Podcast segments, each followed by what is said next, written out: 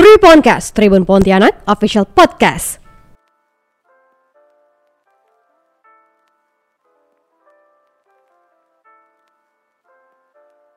Halo Tribuners, kembali lagi di Triponcast, Tribun Pontianak Official Podcast. Kali ini bersama saya Rio Maniahi. Kali ini beda, saya nggak sendirian, saya bersama Dr. Joy di sini. Halo. Halo Mas Rio. Oke, ini adalah teman lama saya. Nih kalau Tribuners sering melihat ya, karena dulu format kita belum audio masih video. Ini pasti sering sekali lihat Dr. Joy di setiap hari Kamis sampai Jumat kayak gitu. Iya. Iya kan? di konten tentang kesehatan. Nah, kali ini juga masih tentang terkait kesehatan tapi lebih hal yang relate dengan generasi sekarang yaitu tentang Yes. burnout Oke. gitu atau stres yang uh, terus-terusan gitu. Stres Oke. yang berlangsung tidak cuma satu hari, dua hari tapi mungkin sudah lama. Tapi Iya. kalau sebenarnya dampak buruk dari stres sendiri itu apa? Dari segi kesehatan, Dok? Oke, dampak buruknya pertama ya, kalau kita lihat dari gejalanya, ya gejalanya itu ya bisa dibagi jadi gejala fisik sama gejala emosional. Uh. Uh, Ada fisiknya juga Iya. ya. Agak takut nih kalau udah fisik. Kalau fisik tuh gejalanya seperti apa? gejalanya kayak sakit kepala, terus-terusan, nyari otot, dan pegal-pegal. Oke, jadi itu Eh. bukan faktor umur ya, tapi itu faktor burnout. Iya, bisa juga, bisa juga dari faktor burnout, bisa jadi faktor stres dan lain-lain.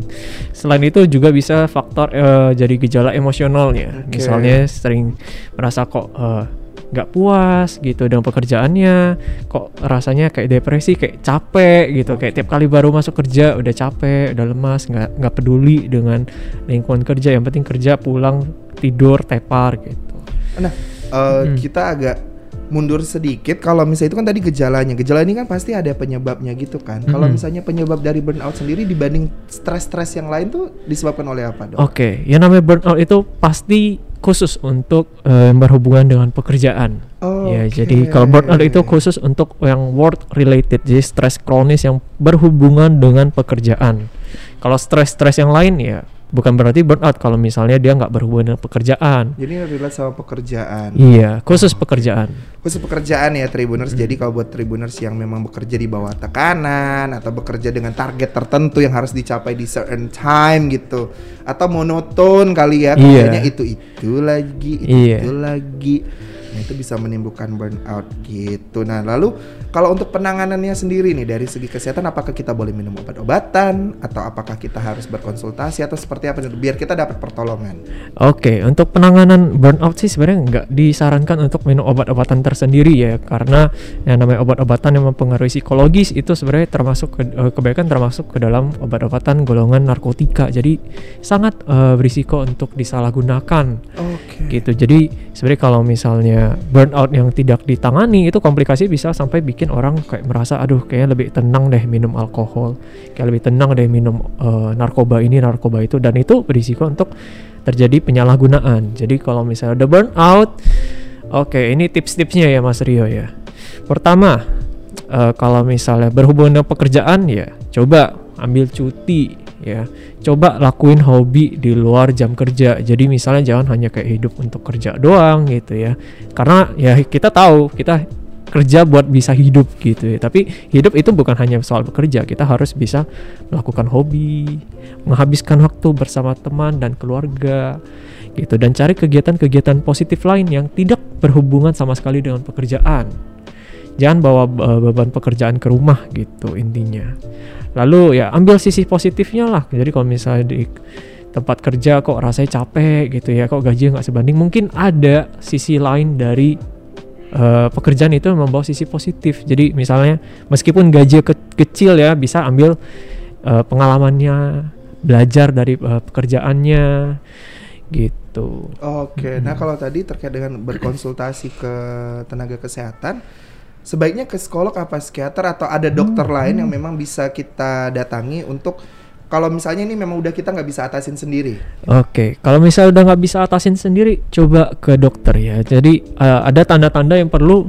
Wah ini kayaknya udah lebih, ini kayaknya burnoutnya udah lumayan berat nih, gitu. Nah itu tanda-tandanya ya kalau misalnya udah mengganggu kehidupan sehari-hari, udah mengganggu relasi dengan orang lain, ya performa performanya udah turun gitu. Nah itu misalnya kayak eh, kayak pulang pulang udah lemes, sudah marah-marah sama keluarga, ya relasi dengan yang lain udah nggak bagus gitu ya. Pokoknya semuanya berhubungan dengan stres yang diakibatkan oleh tempat kerja yang udah mengganggu lah aktivitas sehari-hari benar-benar udah nggak bisa berpikir dan bahkan kalau misalnya udah berpikiran untuk minum alkohol untuk konsumsi obat-obatan tertentu biar bisa lebih rileks nah itu lebih baik konsultasikan ke dokter boleh ke psikolog boleh ke psikiater Oke, Gitu. nah yang membedakan nih, Mm-mm. ada psikiater, ada psikolog. Nah Oke. ini agar eh, para pendengar kita, para eh, tribuners yang mendengarkan ini lebih bisa menentukan nih di mana mereka harus bertemu. ini apakah orang yang sama atau ini bidang yang berbeda? Oke, kalau psikolog sama psikiater itu bidangnya mirip-mirip ya sebenarnya ya. Cuman kalau psikolog itu dia dia bukan dokter sebenarnya. Dia membantu untuk masalah psikologis, tapi dia bukan dokter. Jadi dia Oke. sebenarnya sih nggak memberikan obat-obatan ya. Dia membantu untuk konseling Oke. gitu. Sedangkan kalau psikiater itu dokter yang udah eh, kalau dokter umum udah selesai, lalu ambil pendidikan spesialis eh, dokter jiwa.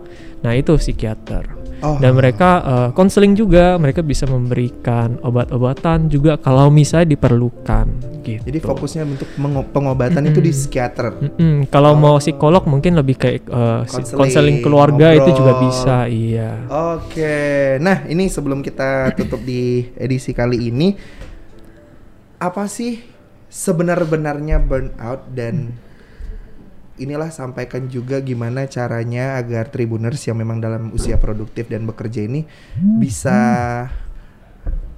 memaksimalkan lah performance dia setiap hari walaupun memang dalam keadaan burnout.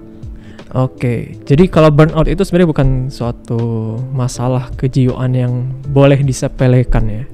Ya kalau misalnya udah burnout, ya coba eh, mulai eh, ambil cuti, mulai mempertimbangkan apakah pekerjaan ini cocok untuk saya atau enggak.